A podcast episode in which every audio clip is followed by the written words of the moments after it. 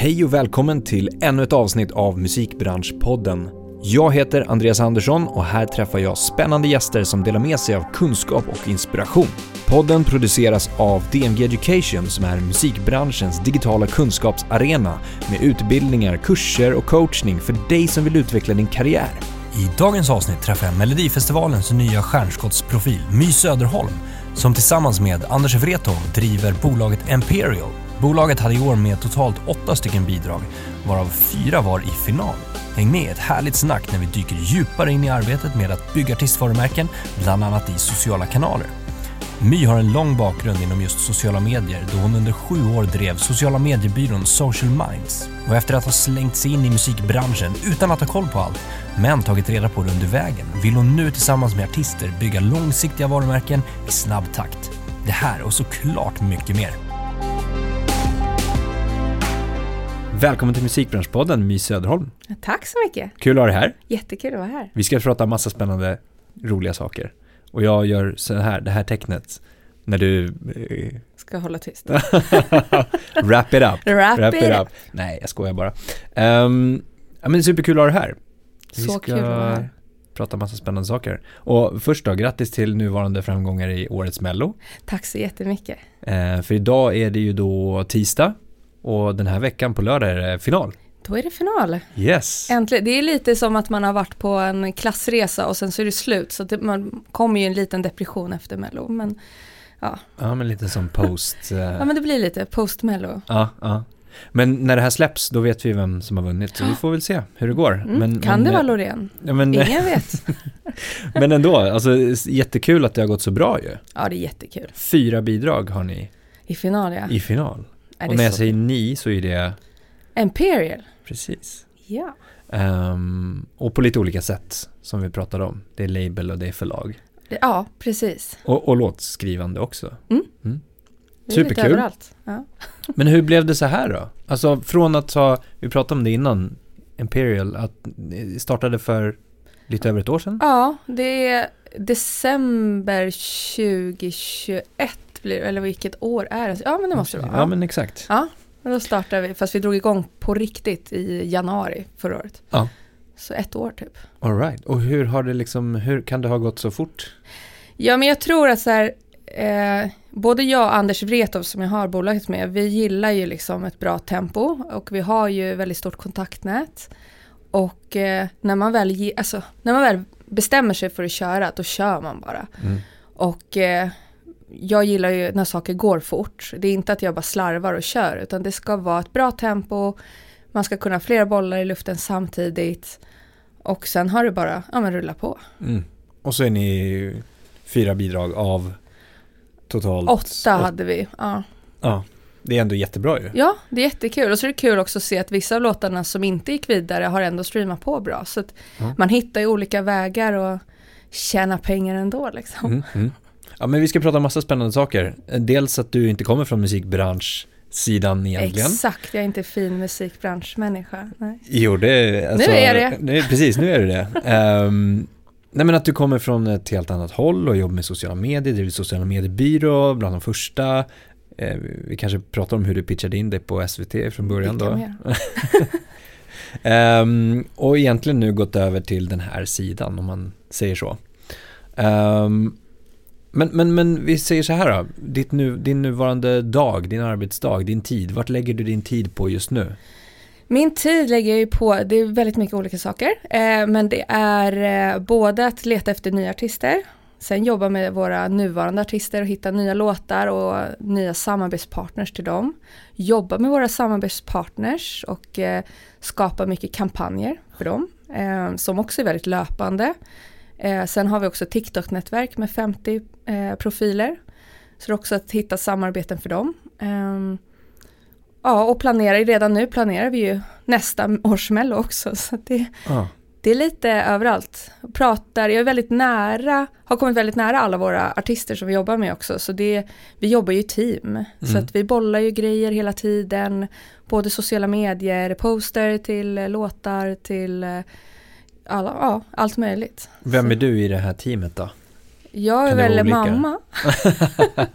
Nej men jag skulle väl säga att jag, eh, jag har väl, ja, men, så nu vet ju jag hur musikbranschen funkar med alla roller som man har. Så jag bruk, alltså, man har en A&R, man har en produktchef och radiogänget och det är så många olika människor. Vi distribuerar ju via Warner så att där har vi ju många av de här eh, ja, men, key-personerna inom radio till exempel och PR. Men annars så är det ju att jag, jag är lite, ja, men, jag brukar säga typ som ett så här skivbolag på fickan. Mm. Jag är så här, lite allt i ett. Det är som när man ska akkreditera sig till Mello, så här, vad har jag för roll? Jag vet inte. Mm, det dit, dit jag, jag tänkte jag. komma också. Lablar ja. du dig själv med någon slags roll? Nej. Nej. Alltså jag tycker inte, alltså roller, jag vet inte. Det är inget för mig tror jag. Nej. Jag gör allt. Men i bolaget då, vad mm. gör ni där? För där har ni begränsat lite grann. Ja, men där kan man säga att jag sköter labelsidan och eh, även brand partnership. Och sen labelsidan blir lite, om man säger så här, jag sköter brand partnership, labelsidan kör jag och Anders ihop och sen kör Anders eh, förlagssidan. Mm. Så man kan säga lite att det är så vi har delat upp det. Men sen bollar vi ju allt och hörs och skrattar tillsammans ja. genom dagarna. men måla upp en bild av hur en sån här process att välja poster eller välja, eh, välja någonting för en artist i ett team. Hur, hur kan det se ut när man sitter på ett sånt möte? Vi sitter på ett möte, ett, nej. Alltså, vi sitter inte på möten utan allt går ju så fort. Det är mm. väl det som jag tror också är våran USP. Att det, vi har inte tid att sitta i ett möte utan det är så här, eftersom jag kommer från den kreativa sidan med content, produktion och hela den så är det att man, man kommer på en idé, bollar den med artisten och sen så kör vi i stort sett. Eh, eller att artisten ringer mig, har en idé och så kör vi. Så det är väldigt liksom snabba puckar. Det är mm. inte massa människor i ett möte och funderar utan det är bara att köra. Mm, mm. Det är väl det vi gör. Men då måste man vara redo att ta beslutet att köra också. Ja. Alltså så då måste ju både ni vara redo men också artisten mottaglig för det och redo att veta om att det går så snabbt. Exakt och det är därför jag tror att de artisterna som vi jobbar med, att jag är väldigt noga med vilka vi jobbar med för att jag vill att det ska, jag brukar säga det redan i början, att för mig är det viktigt, eller för oss är det viktigt att man jobbar i team mm. och att vi, vi gör det här ihop. Det är inte jag som ska säga vad du ska göra utan vi ska lika mycket kunna säga det till varandra men att vi hjälps åt och jobbar i team så att vi blir som små företag liksom. Mm. Um, och därför så, de jag jobbar med idag är ju väldigt snabba och vi, nu ska man inte jobba helg och kvällar men det gör jag för att jag tycker det är så himla kul och jag älskar dem jag jobbar med och vi har så himla roligt ihop så att då, då blir det att jag kanske är i stallet och så kommer jag på någonting och sen så ringer jag Tone och så svarar hon och sen bollar vi och så kör vi liksom. Mm, mm. Är det alltid artisterna själva som du har kontakt med eller kan det vara liksom någon annan aktör eller roll eller liknande som behöver vara involverad i vissa beslut? Um, vi har ju, alltså, eftersom vi även har management mm. så uh, brukar ju vi kunna, det är väl där, det som är vår USP, att vi har förlag, vi har label, brand partnership och även jobbar vi ja, en hel del med management. Så då blir det ju att vi inte har massa kockar i soppan och därför mm. kan vi ju ta snabba beslut. Mm. Det är samma om någon vill uh, använda någon av våra låtar till ett samarbete så är det ju att vi ofta sitter på väldigt mycket av ja, nästan hela alltså rättighetssidan så då kan vi vara rätt snabba på att lösa det så att det inte är massa människor som ska involveras och sådana saker. Just det. Hur, hur lång tid tog det att få, få koll på alla, alla bitarna i branschen då? Ja, men jag tror, alltså, jag, min intensivkurs under det här året, det är, jag är verkligen en learning by doing människa. Och eh, det var tufft i början, för man insåg att så mycket var så självklart. Mm. Alla vet väl vad en produktchef gör eller vad en labelcopy är och jag vet inte alla uttryck som är så självklara som inte var det för mig. För jag kommer ju från liksom en helt annan sida. Mm. Eh, men sen är jag ju snabb på att lära mig, så när jag väl har hört det en gång så vet ju jag. Liksom. Men sen finns det ju hur mycket som helst att lära sig mer. Det är inte så att jag är färdiglärd. Men om du har hört det en gång, för det, ibland kan mm. det ju vara så att man hör det och så bara, mm. oh shit, vad betyder det där? Uh, att man behöver ta reda på det. Att ja. En del kan säkert, ja ja ja, precis den, den grejen, recoupa eller vad det nu skulle kunna vara. Att man fejkar att precis, man kan det och sen ja. så behöver man ta reda på det. Ja, hur, försöker- hur har du fått reda på det där liksom? Nej men det har varit mycket, alltså Anders har ju varit väldigt bra där. Mm. Att jag alltid kan fråga honom och alla dessa procent och gud vad mycket avtal. Man älskar ju avtal i den här branschen. Jag har lärt mig så mycket om avtal och eh, har en jättebra jurist också som eh, jag kan bolla med. Men eh, då är också det här, okej hur mycket procent ska en artist ha i royalty? Eh, hur mycket ska en producent ha?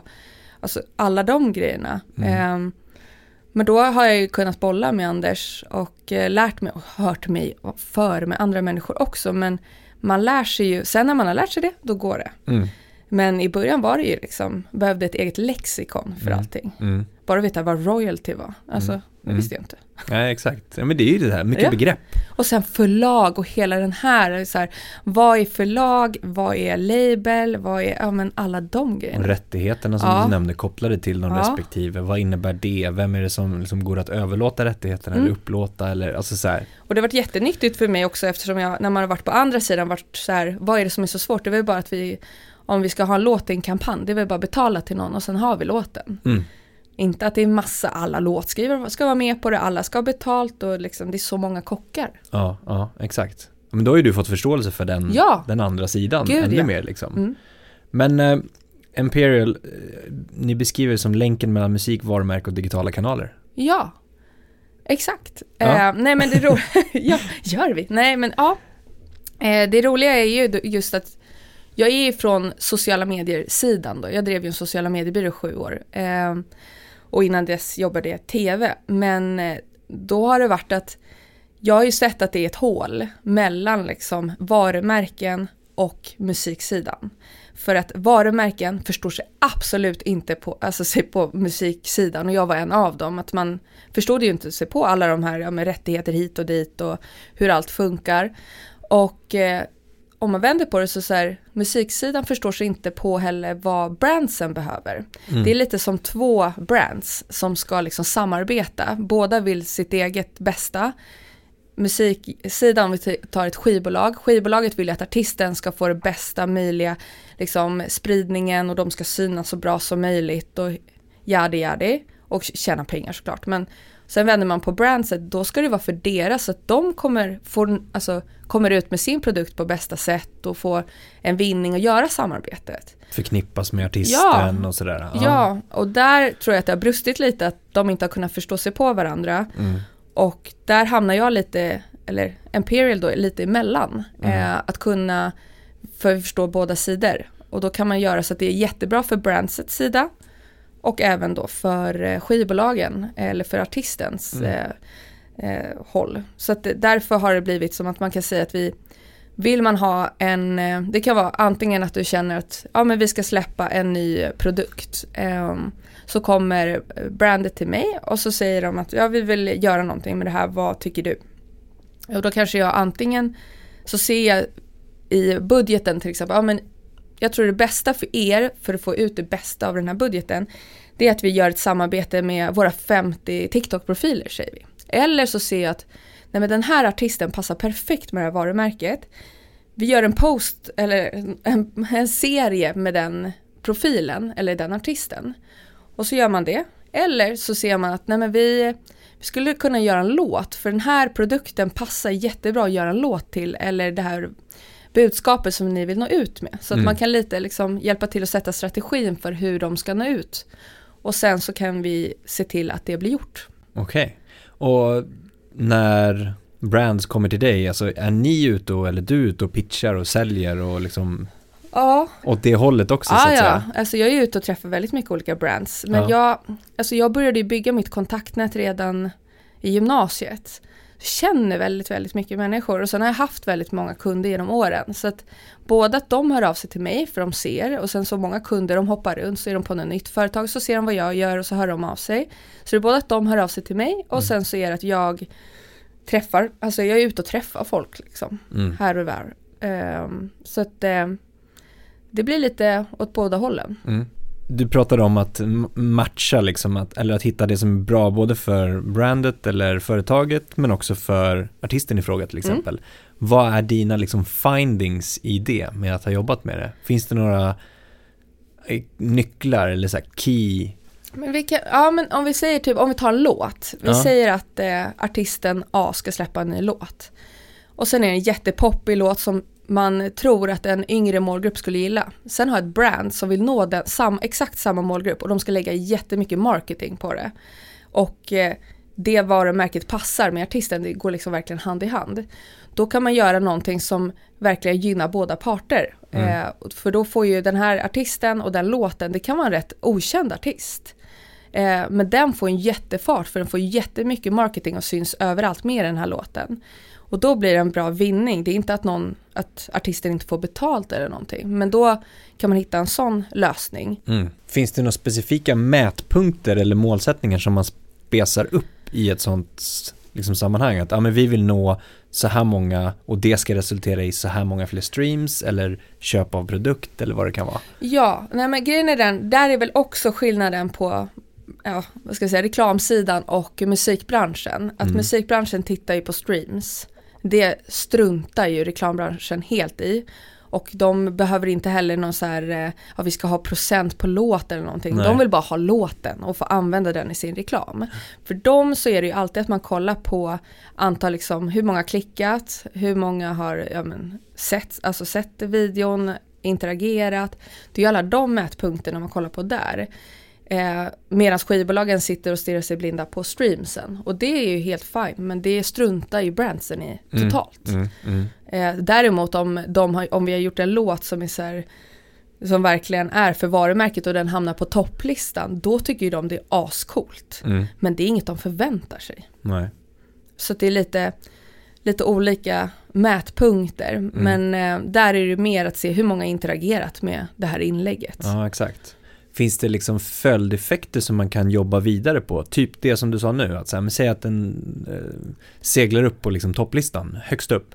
Finns det liksom växlar som man kan kicka i nästa, liksom att säga, ja men tack vare det, då kan vi faktiskt ta fram det här och göra någonting ännu mer. Ja, ja absolut. Allting fin- går ju att göra mer av. Men, men finns det redan med i, i första samtalen, liksom att så här, blir det här en success, då kan vi också lägga på det här lagret eller det här Ja men lagret. ibland har vi så. Ja. Ibland är det att man har lite som en så här, ja, trestegsraket. Ja. Eh, vi har ju som en process som vi alltid visar liksom kunden hur allt går till steg för steg. Liksom. Också för att förklara hur musik Alltså hur skapa musik. Alltså Ja. så här, först tar vi fram liksom, ett förslag, sen tar man fram liksom, en demo, alltså hela, liksom, man kan följa hela processen så Mm. att kunden också känner sig trygg med det här är liksom hela tidslinjen, så här jobbar vi. Och där brukar det också vara att man pratar om så här, om när vi har väl släppt den här låten, det beror på vilken kampanj det är, men om vi tar Circle K till exempel, när vi gjorde den kampanjen, då var det ju väldigt snabba puckar för att då, eh, jag jobbade med dem, hade jobbat med dem i,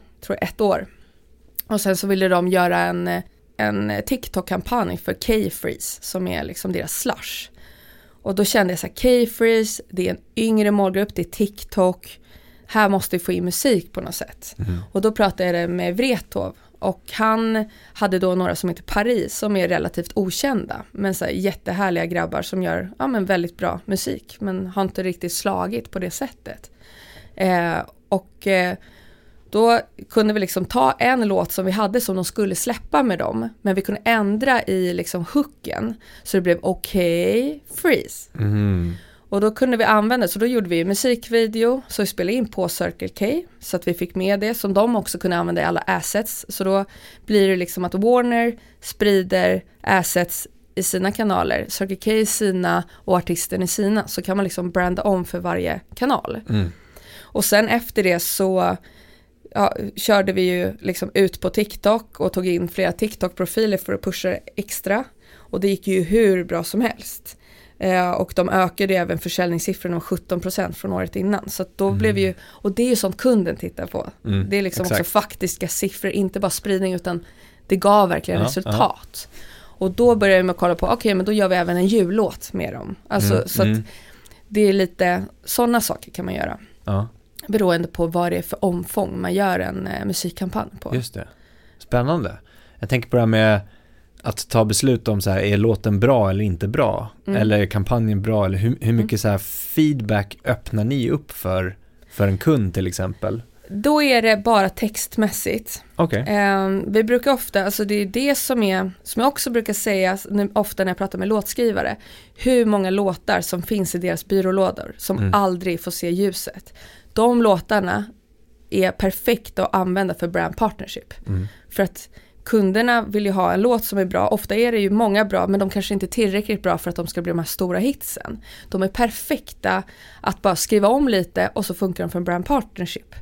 Ehm, så att eh, där har vi gjort att ofta är det att man skickar en demo Ja. och så säger vi att vi tänker att vi ändrar i texten här. Mm. Ibland har man skrivit en låt från scratch men vi har märkt att det är, alltså, det är lika bra att bara ta något som redan finns och Mm. göra om av det. För det är ingen som, det är inget fel med det. För då behöver du inte göra om jobbet. Då kan du bara damma av en gammal låt som har legat där i byrålådan, kanske göra en lite mer daterad och sen kör man. Mm. Men då litar ju varumärket på er, Ja. att ni kan liksom Ja. leverera det, förmedla den känslan Exakt. i den låten då till exempel. Ja. Så då är det mer om det att man ska prata om, för jag brukar säga det att man vill gärna undvika att sjunga ett varumärke. Mm. Eh, för det blir lite för reklamigt. Mm. Och det brukar inte kunderna heller vilja. Men att däremot lyfta värdeord. Ja. Så då är det ju viktigt att de känner att de kan stå för texten. Mm. Säg att du tar en urban artist. Då är det viktigt att om det är att det är bara svordomar och typ en, prata om vapen, ja det vet vi alla att det kommer inte ett brand kunna använda sig av. Men då måste man ju liksom göra lite mer mellanmjölk så den passar. Och då måste man ju prata med artisten så inte, då känner ju den, ja men då kommer den inte bli lika stor hit. Så man Mm. måste hitta den här liksom gyllene medelvägen så att Mm. båda parter blir nöjda. Just och det. även låtskrivarna. Så Ja. det, då är jag där i mitten. Och, Mitten Medlar. av liksom den här som länken som Ja. vi pratade om just. Exakt. Ja, ja.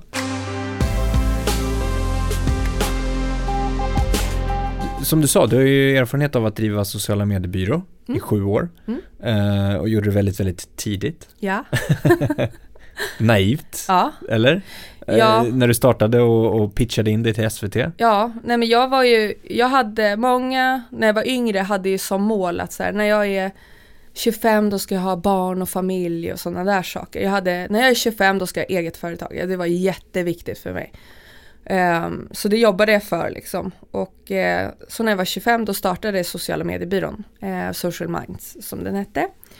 Och uh, då när jag startade den så hade jag jobbat lite i tv innan och jobbat på Melodifestivalen. Och när jag jobbade med Melodifestivalen 2011, då var Thomas Hall projektledare för Mello.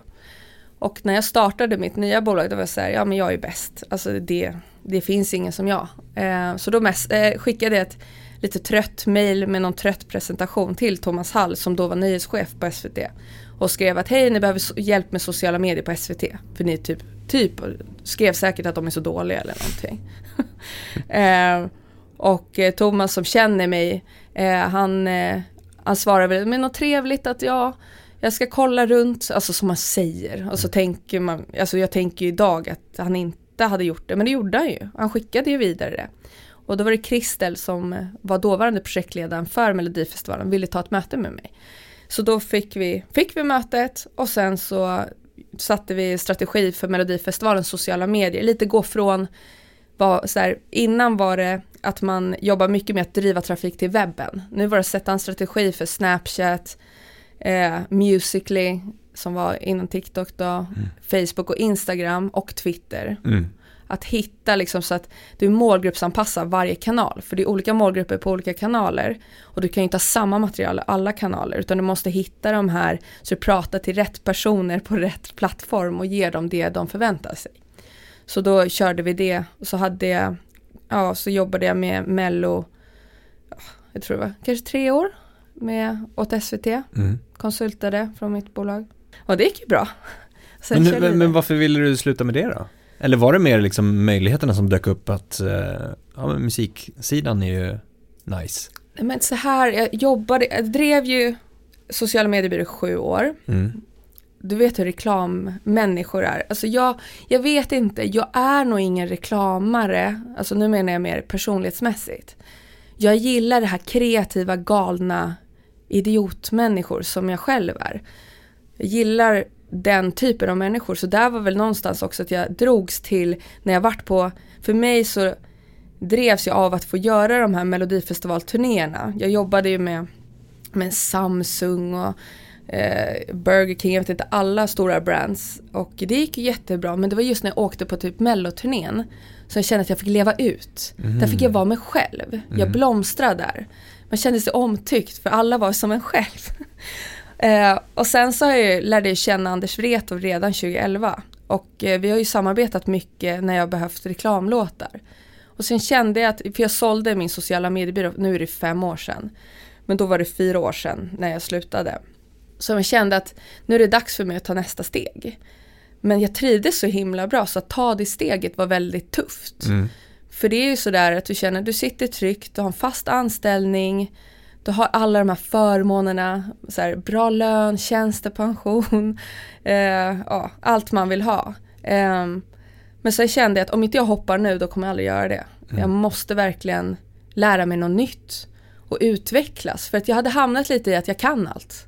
Och det, det är klart man inte kan allt, men jag kände att när man, börjar, man går bara in i ett möte, sätter en strategi för sociala medier och sen så håller man en workshop. Jag gjorde allt liksom, liksom sovandes ja, men nästan. liksom. Du kunde göra det med lillfingret. Ja, det var för enkelt. Ja. Jag vill ha nya utmaningar. Ja. Och då började jag prata med Anders om just den här att, då var det främst att jag vill jobba med brand, alltså koppla ihop artister, hits och varumärken och vara där är, alltså, det var väl lite min tanke från början. Mm. Men sen när han började prata om ja, men förlag, label och så började vi liksom ja, utforma vad vi ska göra för någonting. Mm. Och sen har ju bolaget lite fått ta sin egen fart. Så att nu känns det som vi verkligen har hittat vad vi gör för någonting. Vi lät första året vara lite så här, testa oss fram.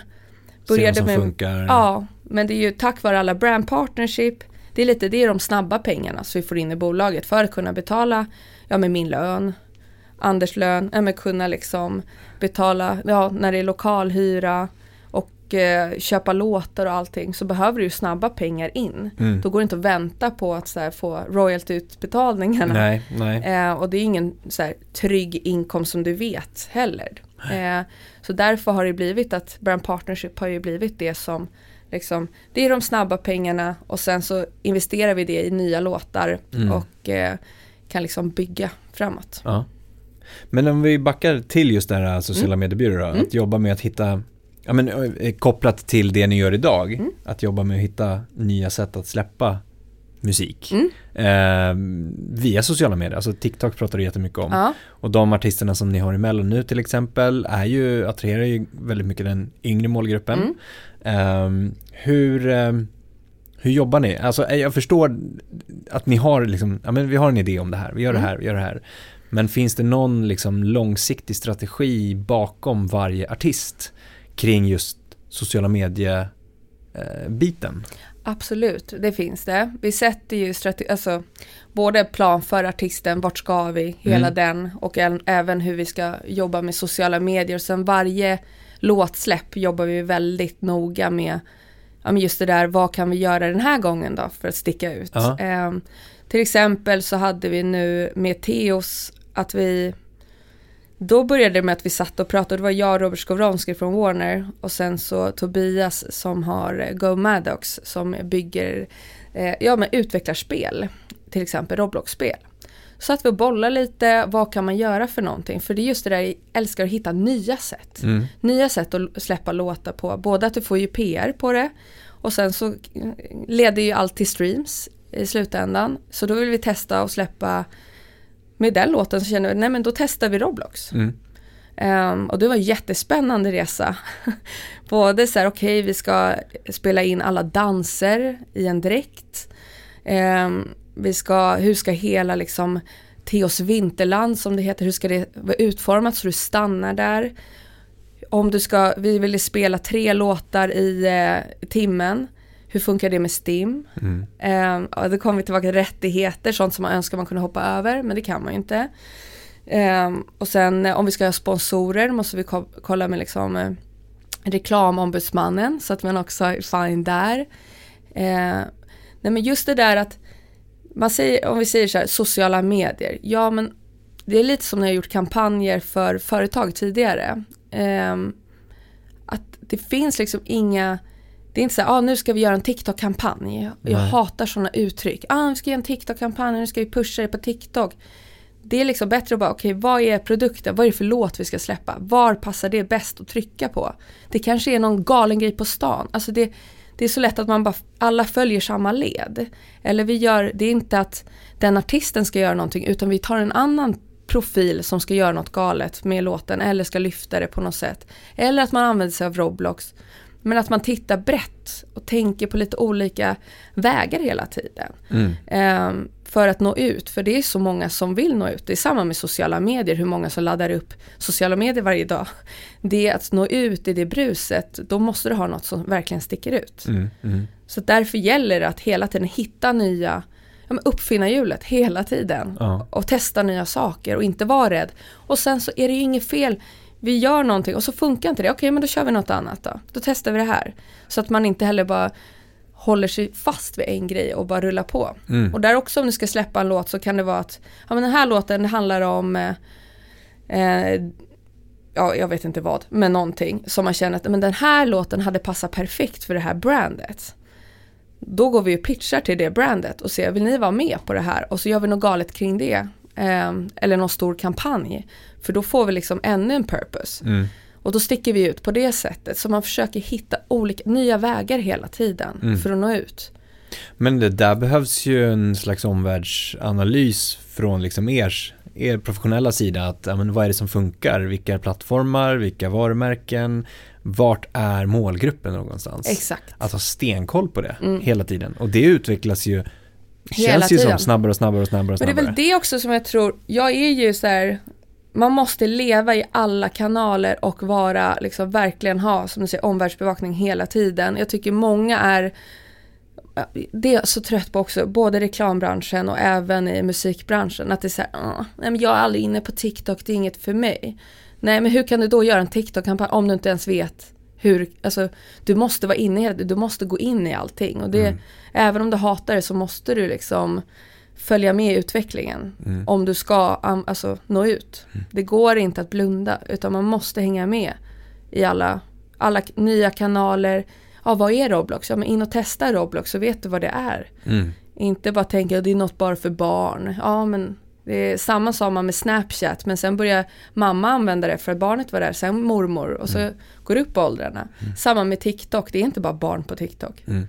Det har också gått upp åldrarna och det kommer fortsätta gå upp åldrarna. Mm. Så att man måste liksom hänga med. Mm. Och vad som händer på varje plattform också. Ja. För det utvecklas ju också hela Ja, tiden. Och nya trender. format och trender. Ja. Och, alltså när de släpper nya funktioner till sådana saker. Eller längd på klipp. Alltså sådana saker att anpassa Även det lyssna också. på podcasts ja, precis. som den här. Men att vara, så här, vad är det folk pratar om? Eh, och haka på det. Det var som jag lyssnade på Ursäkta-podden. Jag tror det var, jag försöker lyssna på mycket olika poddar. Så lyssnade jag på dem i torsdags. Eh, och då så spelade ju de Edelweiss som är vår låt som var med då i Mello. Spelade de den och sa att det låter som de sjunger eget bajs. Mm. Och då kände vi bara perfekt, det måste vi göra någonting på direkt. Vi kan ju inte vänta en vecka. Mm. Utan då spelade vi in och la ut det på TikTok och gjorde en grej av det. Mm. Och man måste hela tiden hänga på. För Mm. att också, då ökar ju streamsen för då blir det en snackis och så når det ut. Mm. Mm. Och det är samma när du gör låtar, att tänka ibland på när du gör en låt. Hur kan jag göra så att den här funkar på TikTok? Mm. Vilka 30 sekunder ska vi ha på TikTok? Vad, kan vi göra låten också så att den, den blir en rolig snackis på TikTok? Man kan Mm. testa lite olika grejer. Det där är intressant hur man liksom skapar musiken. Vi har haft sådana diskussioner i podden också just att så här, men vad är det man skapar man för sig själv som Mm. artist, låtskrivare, producent? Är det liksom det man vill förmedla? Mm. Eller anpassar man lite till formatet där eh, musiken ska ligga eller hur den ska komma ut eller vad Eller vad målgruppen på. ska lyssna på. Exakt. Mm, EPA. Ja, ja. ja men det, det finns ju så många olika sätt Mm. att, att skapa musik från grunden också. Och det där är ju superintressant. Men, men eh, i de här eh, snabba svängningarna eller snabba samtalen, snabba besluten som ni tar Mm. ehm, så behöver ni vara orädda för eller inte orädda, jo men lite grann orädda för eh, konsekvenserna eller vad ska man säga? Mm. Det skulle kunna liksom gå snett någon gång. Ja, Tänker jag, ni på sånt? Risktagandet? jag är jätte, alltså så här, just när det gäller ekonomi är jag jätte så här, ordning och reda och ha koll. Men när det gäller liksom kreativa grejer så är det, jag tror också det sitter i ryggmärgen på mig att jag vet liksom direkt när jag känner något i magen att det här, jag vet inte. Då har jag ju Mm. lärt mig med åren att då ska jag inte göra det. Mm. Att bara följa magkänslan. Eh, men samtidigt som en post, om vi tar TikTok till exempel, och så har det varit genom alla år.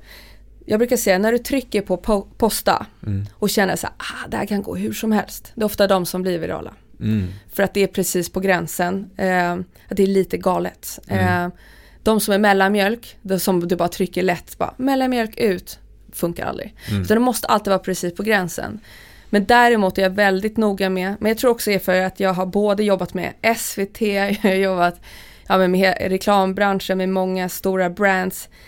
Det är inte bara slänga ut någonting. Mm, Där är det utan- ju ganska strukturerat och Ja, och det kan bli och... riktigt, alltså Precis. bara om du skriver en copy som kan uppfattas fel, då kan ju hela företaget hamna liksom i skottgluggen. Alltså Mm, så, mm.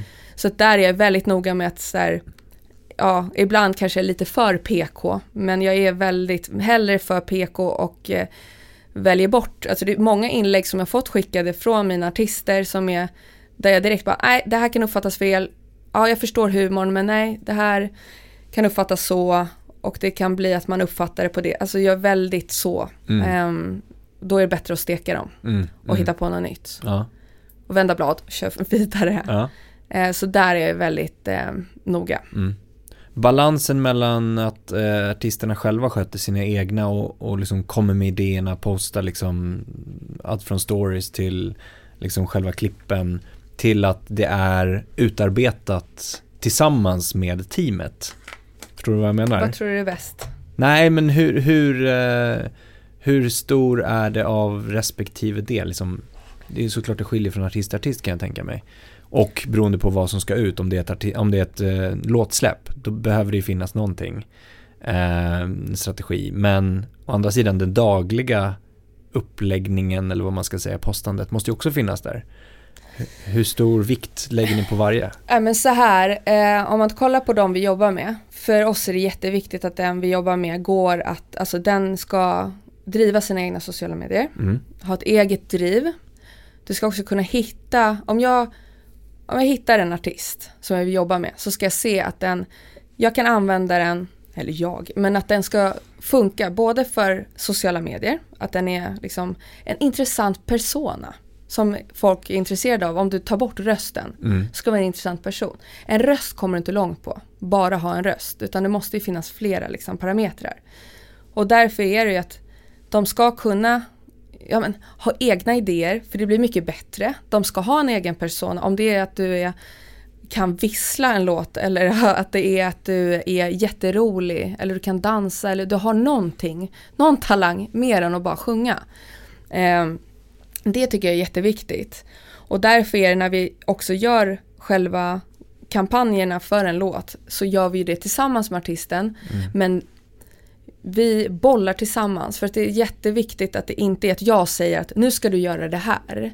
För då känns det inte äkta heller, då kommer inte dens målgrupp fatta, då känns det ju som, inte att jag är gammal, men typ att det är någon gammal, någon gammal som har sagt att vi ska göra så här. Mm. Eh, och eh, det är viktigt att det passar dem. Eh, men däremot hjälper jag ju till med verktygen, de skickar alltid, jag säger så här, vad tror du om att göra det här? Och sen så kommer den på någonting. Vi brukar ofta ha så här anteckningar, så delade anteckningar på Mm. mobilen där man skriver in så fort man har en idé. Mm. Och sen bollar man dem Mm. eh, löpande. Ehm, och sen så är det ofta, ja men de skickar nästan aldrig, alltid klippen till mig innan. Och sen så kan jag säga om jag tycker vi ska klippa ner korta, tajta ofta, allt ska vara tajt, det får inte vara för långa klipp. Kill your darlings, eh, eller om det ska stekas eller om eh, det ska bytas. Mm. Typ så. Men alla jag jobbar med är faktiskt bra på sociala medier och filma själva och eh, har liksom en, ja, men, är, är kreativ lagda på det hållet också. Just det. Och the golden question som alla alltid eh, Mm. frågar, hur ofta, eh, när, vilken tidpunkt? Det är väldigt olika från artist till artist. Mm. Eh, men ofta är det ju, om du tar TikTok till exempel, så är det efter tre som du ska posta. Mm. Eh, men samtidigt är det en jättenyhet så kan du släppa den klockan åtta också. Alltså, eller tolv. Mm. Mm. Men eh, posta, posta, posta. Alltså det gör inget om de lägger upp tre inlägg på en dag. Mm. Och det är där också att så här, om du tar TikTok som plattform så är det ju bara ösa ut och sen ser man vad som flyger. Um, det är inte samma som Instagram när man pratar om det ska vara ett snyggt flöde. Um, utan då är det ju mer att bara köra. Mm. Desto mer aktivitet desto bättre. Um, Men har ni då vissa så här äh, avstämningar att okej, nu ska vi kolla vad som flög. Alltså, nu har vi postat det här och det här och det här, vi slängde ut det här och det här, olika format, olika videoidéer. Det är väl samma sak där, lite som jag jobbat alltid med kunder. Jag är inte sån som så här, ja, vi lägger ut något och sen skickar vi en strategi efter en vecka. Och, eller vi skickar en rapport efter en vecka och säger vad vi kunde gjort bättre. Utan Nej. vi gör ju allt löpande. Ja. Vi lägger ut den, fl- flyger den eller inte. Ja, den flög inte, okej vad gör vi nu då? Vi, vi gör den här grejen. Mm, Eh, vi testar det här då. Ja, det flög. mm, Ja, och då spinner vi vidare på den grejen. Och så att man hela tiden liksom, det är samma när du jobbar med företag, om du ska sköta deras eh, sociala medier, du gör en kampanj. Lite som vi pratade om innan. mm, Och den hamnar på topplistan. Okej, vad gör vi nu? Då gör vi den här grejen. Att man hela tiden liksom utvecklar kampanjen med dess gång för Ja. att nå de bästa resultaten. ja, Aldrig bara lägga ut något och hoppas på det bästa, utan du måste hela tiden liksom vara aktiv och liksom tweaka, testa, mm, det går inte att bara ah, sätta sig i ett möte då, som många säkert som lyssnar gör. Tar ett möte, okej, nu ska vi sätta en plan för den här releasen. Vi spelar in alla inlägg idag. Och sen så portionerar vi ut dem under den här perioden. Alltså, nej, det är bara att köra. Alltså så här, jag fattar att vissa artister inte vet vad de ska göra. Då kan man ge dem lite tips. Men de bästa artisterna, de har en eget, ett eget driv. Och förstår man inte hur sociala medier funkar så får man ta reda på det liksom, och testa sig fram. mm. Ehm, och det blir mest äkta än att stå i en studio och spela in massa inlägg för det kommer ändå inte flyga. Men de här äh, besluten, så någonstans när ni, oavsett, alltså så här, ni slänger ut någonting, ni testar det. När tar ni beslutet om det har flugit eller inte? Vad mäter ni för någonting? Mäter ni antal views, antal likes, antal... Det beror på vad det är för, är det till exempel att vi släpper en ny låt Ja. så ska det ju vara så mycket kreationer som möjligt under den låten på TikTok. Ja, Och eh, då kör vi tills vi når det vi ska ha. Liksom. men då är det en känsla mer att så här, ja men det här funkade. Ja. Eh, Det här spinner, det här som du pratade om, spinner att vi då vidare, lite på det. Ja. Eller så testar vi, ja det funkade, vi spinner vidare på, nej då, de har redan tröttnat, då gör vi något nytt då. Ja. Men man bara fortsätter tills vi når alltså, så många kreationer som möjligt. Och, och när tar ni det beslutet? Är det liksom efter en timme efter postning, är det en dag efter postning? Alltså så här, någonstans måste ni ändå ha ett slags... Alltså om vi tänker, vi säger att så här, vi släpper en låt nu på fredag. Mm, Då börjar vi jobba, vi släpper låten på TikTok en vecka innan. Då har vi en plan för den dagen den släpps, vad gör vi då? Och sen så börjar, börjar ju eh, artisten skapa content med den 30 sekunden. Sen lägger vi ut, först eh, när den har kommit ut så lägger vi ut någonting med den och om det är en, en dans, en sketch, en, eh, så här, ja, vad det än är.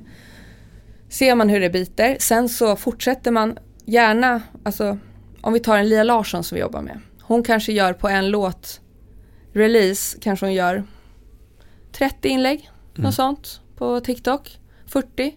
Och folk, det är alltid folk som skriver "Mm, jag är så trött på den här låten, men de streamar ju ändå. Och det blir ju att det, alltså man måste bara nöta, nöta, nöta, nöta. Till slut så har ingen missat det liksom.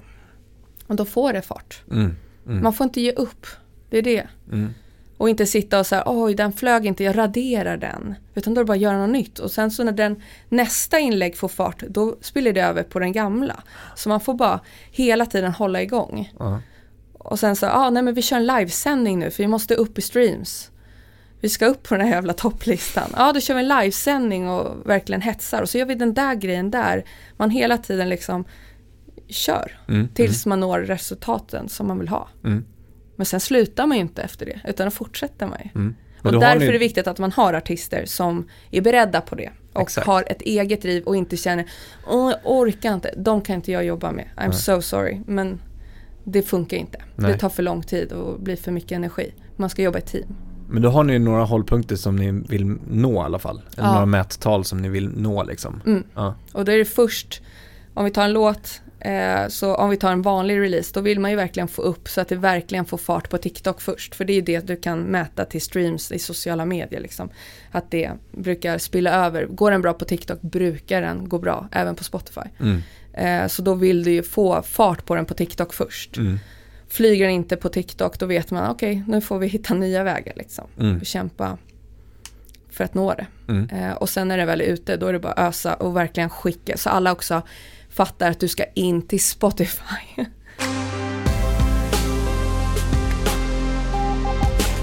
Utifrån liksom eh, din erfarenhet med det här att koppla ihop musik med varumärke till exempel, Mm. eller ett brand eller ett sammanhang. Eh, om, du skulle, om du skulle ge artister eller personer som jobbar med artister ett tips för vad det är man ska pitcha, framhäva, hur ska man visa upp det? Eh, själva låten i fråga alltså, Mm. mot ett, ett samarbete eller ett varumärke eller vad det kan vara. Ja, men jag tror att det är, alltså, som i allt, alltså bygga relationerna. Mm. Inte bara kom, skicka en låt till någon, Och säg lyssna på hooken, Lyssna vad bra på den den här är. Det här låten. skulle passa så bra här och ja, här. det här är så ni, det här är så ert varumärke. Mm. Ofta så, det är där igen också att så här, artisterna eller skivbolagen ofta så blinda att deras är så, det är så himla bra men de förstår inte vad brandet vill nå. Mm. Därför är det bra att börja ha en kontakt med dem och mer så här, lyssna på brandet. Vad, vad vill ni ha? Vad letar ni efter? Vad har ni för kampanjer framåt? Mm. Så kan vi titta vad vi har för någonting.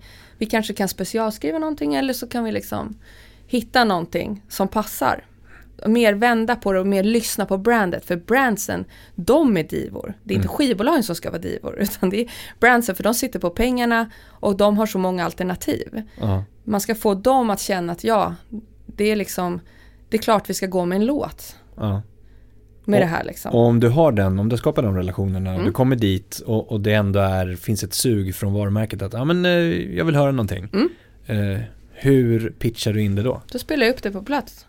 Bara och låter musiken tala?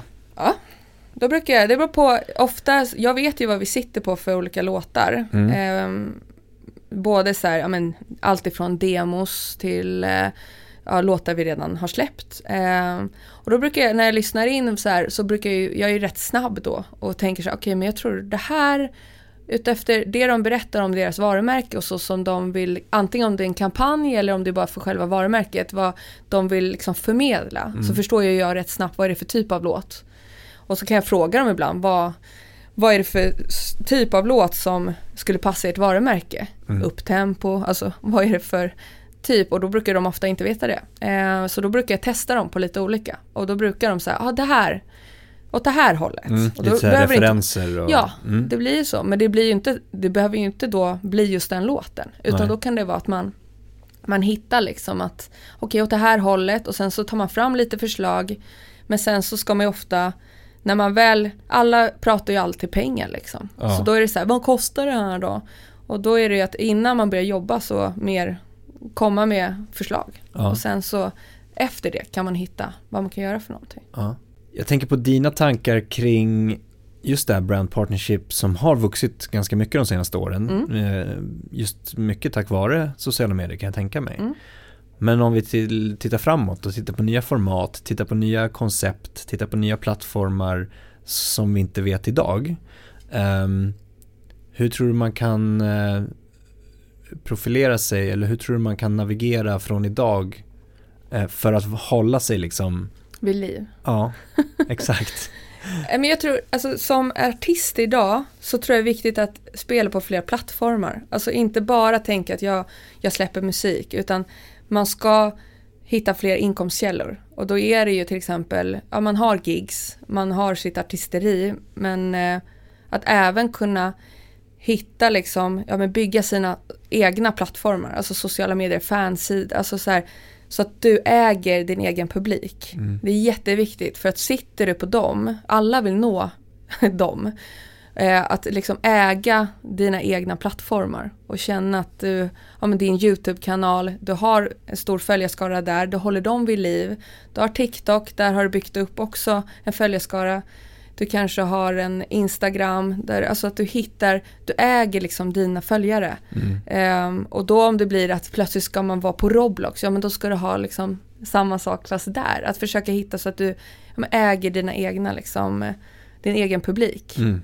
Det tror jag är jätteviktigt för att det är de alla vill nå sen hur som. Mm. Mm. Och det är de du tjänar pengar på. Desto fler du når, desto mer kan du ta i betalt. Liksom. Mm. Och just att kommer det en ny plattform att kunna Också visa sig, ja men exakt, Mm. och visa då sin egna ägda kanaler Ja. att jag är här. Eller Exakt. liksom, ja, peka på det. Ja, Ehm, om TikTok skulle dö och det Precis. kommer någonting helt annat, att man ändå liksom slussar vidare. ja. Så det, nej, men det är jätteviktigt så att det inte blir att man eh, bara TikTok eh, dör och då, har jag, då tappade jag alla liksom. Mm. Och allt. Utan du måste spela på flera plattformar och ja, men äger din egen publik. Mm, Det är mm. jätteviktigt. Så du har dina fans. Du flyttar med dem Mm. överallt. Mm. Men vad tror du att det finns, vi har pratat om det här någon gång tidigare i podden vet jag, att, ehm, att likna liksom artister med idrottsstjärnor till exempel.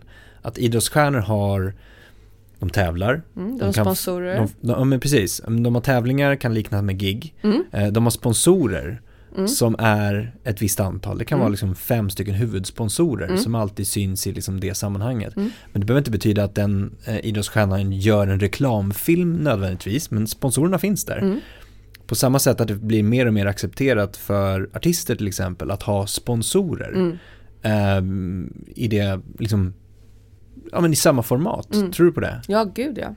Tror du det blir mer accepterat för, jag tänker mig också publiken, att du är, tidigare har det varit att du är en liten sellout Mm. som artist om du förknippas med ett varumärke. Mm. Eller har det som en, liksom, nära relation. Jag tycker ju att, jag tror ändå att det börjar bli lite mer accepterat, eller jag tror mycket, när, också när många artister har förstått att det inte drabbar deras varumärke. Det beror på Mm. vem du samarbetar med. Det finns ju företag som man kanske inte ska samarbeta med, men att det är, att ha de här långsiktiga, samar, alltså ha långsiktiga samarbeten, det är ju både bra för brandet och för artisten.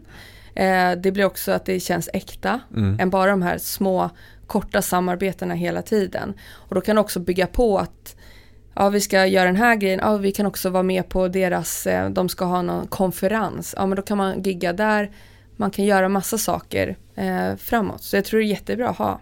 Mm. Eh, att de, ja, men ha ett, i alla fall fem sponsorer var. Mm.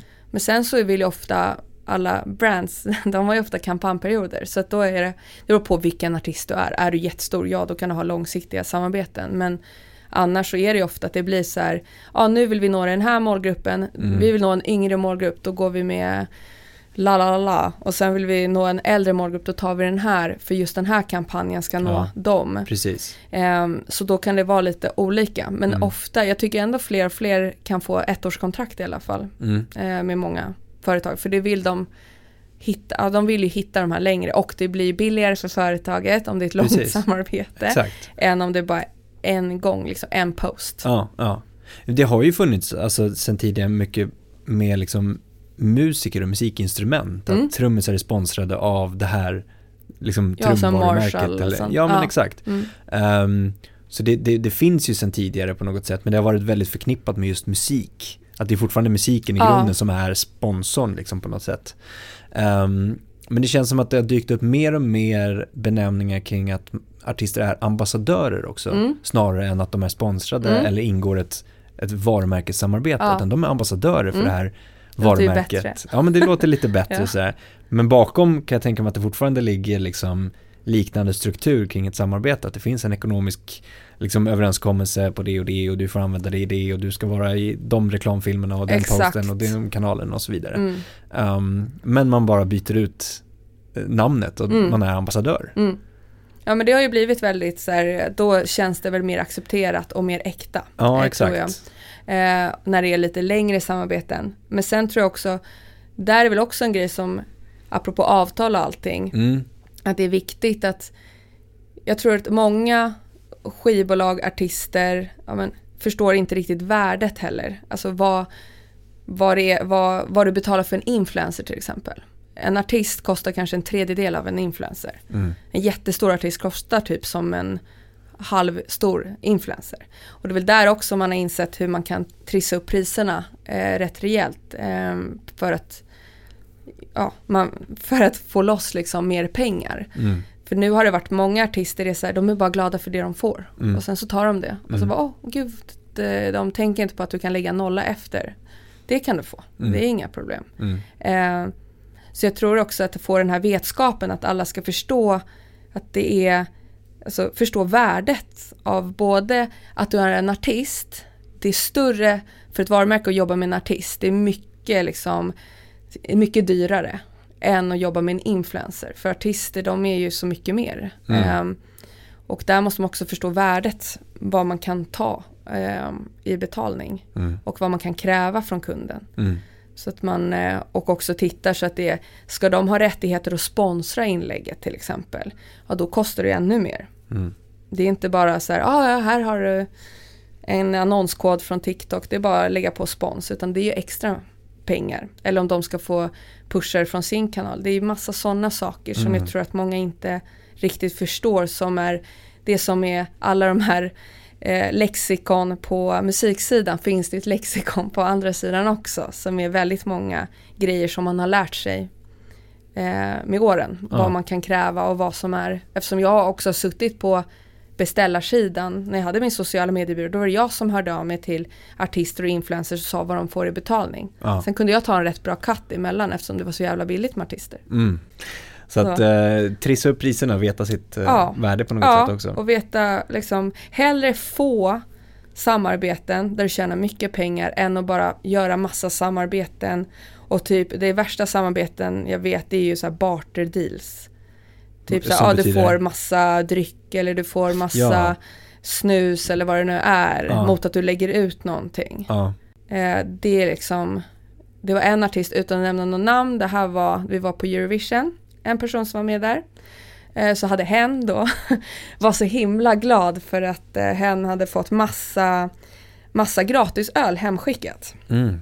Så han då, han, han la ju ut då, han skulle lägga ut massa poster bara, han bara det var så nice, alltså jag får hur mycket öl hem mot att jag bara ska hålla upp den i bild. Man bara, du får inte betalt alltså och du är ju jättestor artist.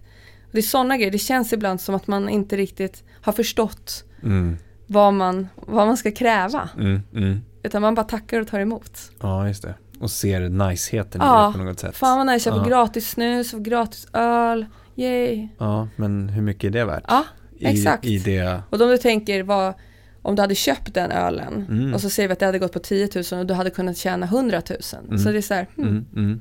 vad, man måste ändå förstå värdet. Och, så, och det är väl där jag också gillar att vara emellan för att också se till att alla artister tjänar det de ska tjäna. Mm. Eh, så de inte blir liksom lurade från andra hållet. Mm. För det är väldigt många, jag ser ju hur många reklambyråer mejlar och ä- även så här, ja men sådana som jobbar med influencers som mejlar och ger så här skambud. Mm. Och då blir jag alltid lika förbannad. Det är liksom, och då fattar man ju att de, de har lyckats med det. Ja. Att folk köper det. ja, och det är någonstans i, i... Det känns ganska djupt rotat inom just musik. Mm. Framförallt att inte... Att det är fult att tjäna pengar på musik. Ja, Och sen liksom långt ner i åldrarna eh, en spelning Mm. på en pub eller en klubb. Ja, du får betalt i lite mat och några öl. precis. Eh, och att det har liksom satts som en standard och det är där man kommer Man ifrån och man ska vara glad för att man ska få uppträda, eller få Mm. visa upp sin konst eller Mm. musik. Ehm, och då, då fortsätter väl det upp Ja. i, i, även när man blir en etablerad artist. Ja, man förstår inte värdet. Nej, och känna liksom att man kanske har svårt att se liksom så här, när, när blev det jag erbjuder värdefullt Mm. på något sätt. Mm. Att så här, men min musik, jag är bara glad om någon lyssnar på den. Men någonstans så finns det ju någon slags tröskel i att folk faktiskt vill betala för det värdet. Ja, Eh, uppleva det, den musiken på något sätt. Och då förknippas med varumärke och Mm. förstå sitt värde. Så men då är det att det är både, svårt. både om du tittar också så här, musiken det är ett värde i sig. Ja. Men sen artisten, dens ansikte, om du bara Ja. tar ett modellarvode, hur mycket det kan ligga på för Mm. en random. Mm. Och sen så är en artist billigare än det. Mm, mm, Ja, då tar jag den till reklamfilmen istället såklart. mm. Ehm, för då får jag alltså, så mycket mer för pengarna. Och det är väl Exakt. där också att det är så många parametrar. Både att du är en känd person, du har ett känt ansikte, du sjunger, du har en låt. Alltså det är så, så mycket. Det är jättemycket värde ja, i det. liksom. jättemycket Verkligen. värde. Och där måste man också kunna liksom laborera. Även om du bara har 20 000 följare. Mm, Det är inte där det handlar om. För det, du, man värderar liksom, det är, ja du har ett följare. Men sen är du ju inte en influencer. Utan det är så här, du är en liksom känd profil. ja. Och det är det man köper. Mm, mm. Så då kan inte någon så här reklambyrå komma till dig och säga ja men du har ju bara 20 000 följare så att eh, du får betalt, du får, ja vi har räknat, du får 20 000 för ett inlägg. Det är så här, ja fast jag är den här personen. Mm, Så därför så tar jag 150 000.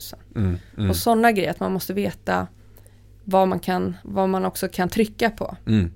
Det Och som är mer sälj, alltid. Mer Ja, sälj, exakt. sälj, Men det är jätteviktigt där med antalet också, att, Mm. att förstå att liksom det är, det är, ju- det är ju relationen och påverkansbiten eh, som Mm. du som artist har till exempel till de här 20 000. Mm. Eller en influencer som har 500 000. Mm. Men hur många når den influencern Exakt, hur många interagerar riktigt? också. Liksom, interagerar. Mm. Men tänk om de 20 000, ja det blir 20 000 likes på en gång Ja. liksom. Det, Ja. För att det är som liksom core eh, publik kanske. Ja, och nu för tiden kan du också lägga spend på allt. Så att du, vill Mm. jag nå 500 000 då kan man bara lägga alltså marketing på den så når vi 500 000. Men det är Mm. ju just ansiktet och det som den skapar som är det man betalar för. Mm. Det är inte bara följarna liksom. Nej. Ja, det finns mycket liksom nästan problematik långt bak i, i liksom ledet eh, hos artister kan man väl säga.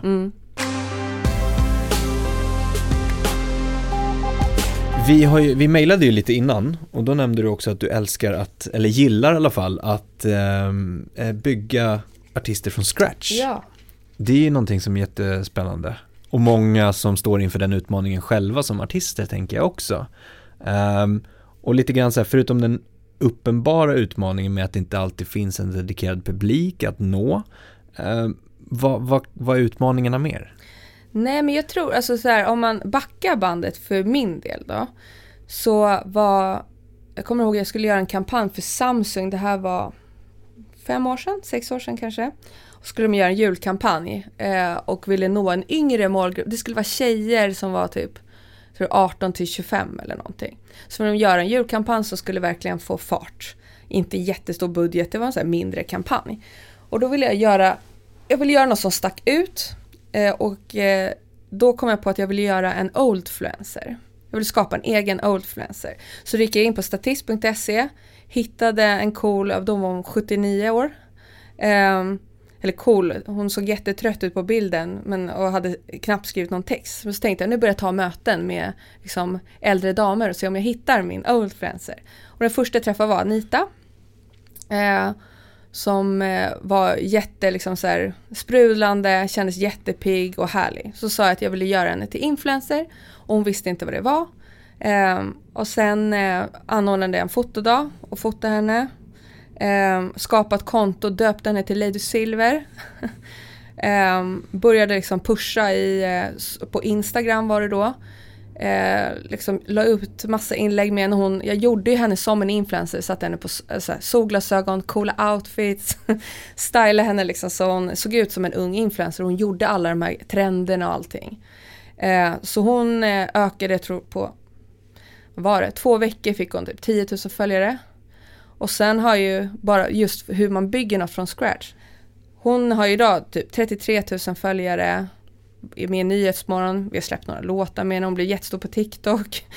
Och eh, hon eh, har ju liksom, hon är med i intervjuer hela tiden för att inspirera Mm. folk. Eh, att jag gillar ju att så här, när man kan bygga något från scratch, men det är klart att människan bakom ska ju vara någonting att bygga också. Mm. Eh, men nu senast så var det ju att jag höll på att bygga vårt TikTok-nätverk. Och då vill jag ha någon, ja men man letar ju alltid efter nya talanger. Ehm, och sitter ofta, det kan jag tänka mig att många skivbolag, man sitter inne på TikTok och ser vad man hittar för någonting. Och då var det en av våra liksom, profiler som jobbar med, Lia Larsson, så här, jättesprudlande tjej. Eh, så här, bra uttryck, dansar, ja men så här härlig person från Mora. Mm. Eh, så mässade jag henne och frågade om hon kunde sjunga. Och då skrev hon bara, haha absolut inte. Jag bara, jo men spela in någonting så kan vi lyssna hur det låter. Så lät det ändå charmigt liksom. Frågade om hon kunde komma ner och spela in studion dagen efter. Och så testade vi att spela in en låt med henne. Um, och då var hon, vad hade hon, hon hade 150 000 följare på TikTok, så hon var rätt stor på mm. TikTok. Men hade ingenting med musik att göra. Och så släppte vi den som jullåt och den streamade jättebra. Um, och sen nu streamar hon ju ja, omkring 70 000 om dagen. Um, har ju, vi har släppt tre låtar, släpper fjärde låten nu. Och där har vi också just att hon har en sån persona. Ja.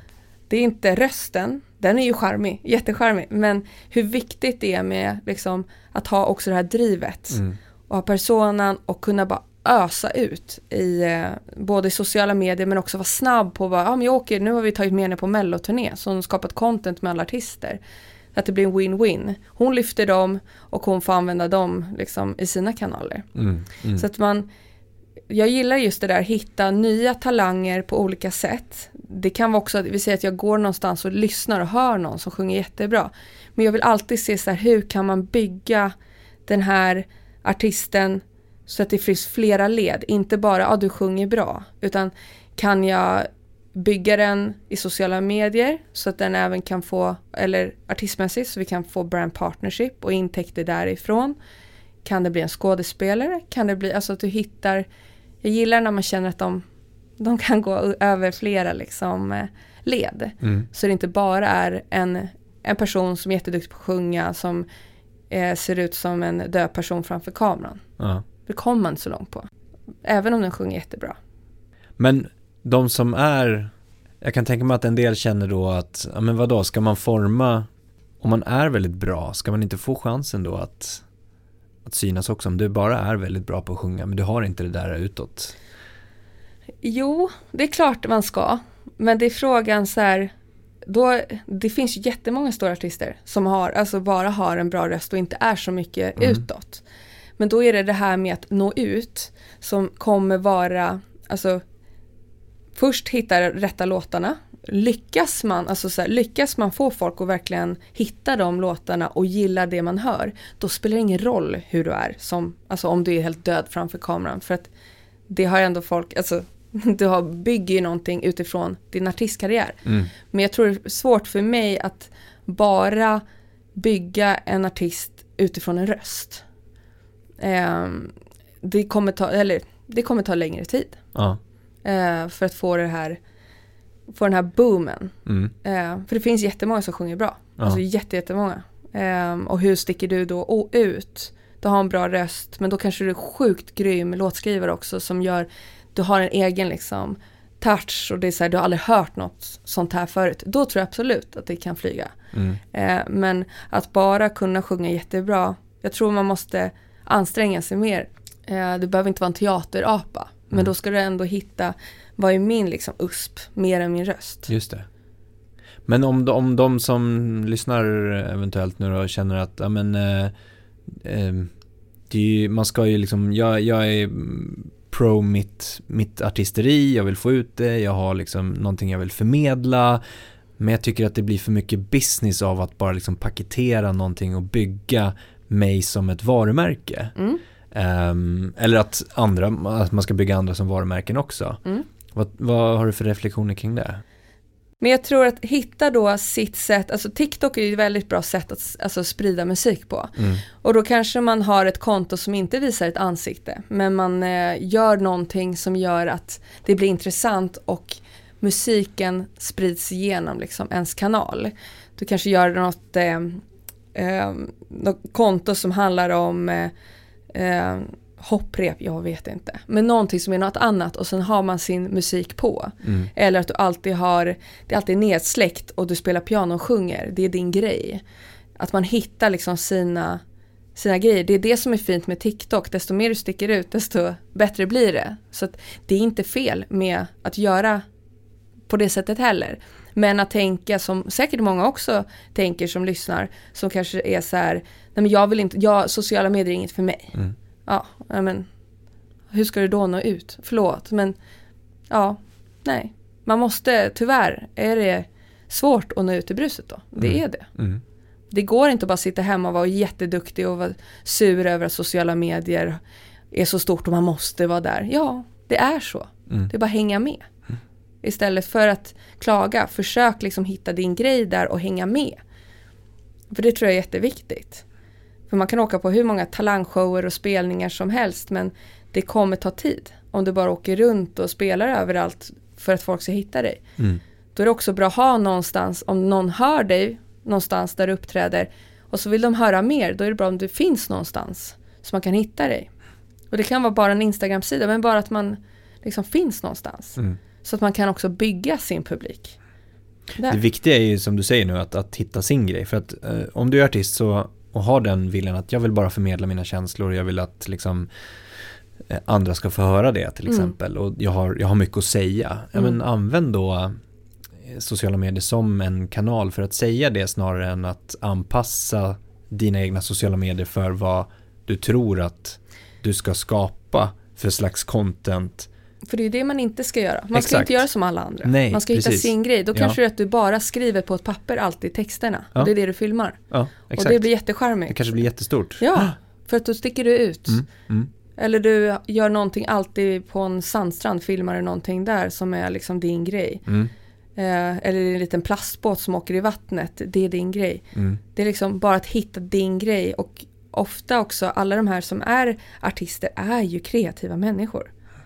Du är ju kreativ om du kan skapa en låt eller sjunga. Jag Mm. önskar att jag kunde sjunga, det kan jag inte. Men det är liksom jättehäftigt. Och eh, sen kan man göra som många andra, sjunga covers och sånt på TikTok. Men jag gillar just det där att hitta din USP. mm, Hitta din egen grej. mm, mm. Eller hitta någon annan som kan vara framför kameran. Alltså det är Det liksom... blir en USP också. Ja, Ja, exakt.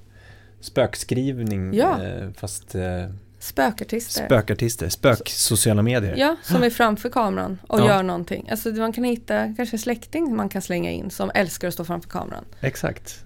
Så man, man måste vara kreativ eh, och hitta och inte tänka Åh jag vill inte göra sånt där, sånt där skit. Det är bara, alltså jag är inte sådär, jag tänker inte hoppa runt och dansa. Mm. Eller TikTok är bara för barn, det är inget för mig. Det, åh, nej, så funkar det inte. Utan gör det till din grej. Vi kan ju sitta och snacka ännu längre. Mm. Eh, Men, men ehm, du ska ju iväg på final, tänkte jag nästan säga. Nej, men inte riktigt. Men ehm, Ja, typ. typ. Ja, men det var jättekul att snacka med dig My. Ja, detsamma. Eh, Stort, stort lycka till på lördag nu då, så får vi, Hålla tummarna. får vi hålla tummarna. Ja, nej men tack så jättemycket. Det var jättekul att vara här. Ja, tack så jättemycket för att du kom. Jättestort tack för att du har lyssnat på podden idag. Det uppskattas verkligen. Kom ihåg att följa, stjärnmarkera, gilla, dela, kommentera för att hjälpa till att sprida kunskapen i musikbranschen. Vi vill också jättegärna höra från dig. Vilka utmaningar står du inför? Vad tycker du är svårt? Vad tycker du är lätt? Vad vill du höra? Vad vill du veta? Vad vill du lära dig? Hör av dig till oss på info at dmgeducation.se. Tack för idag och ha en fortsatt härlig dag.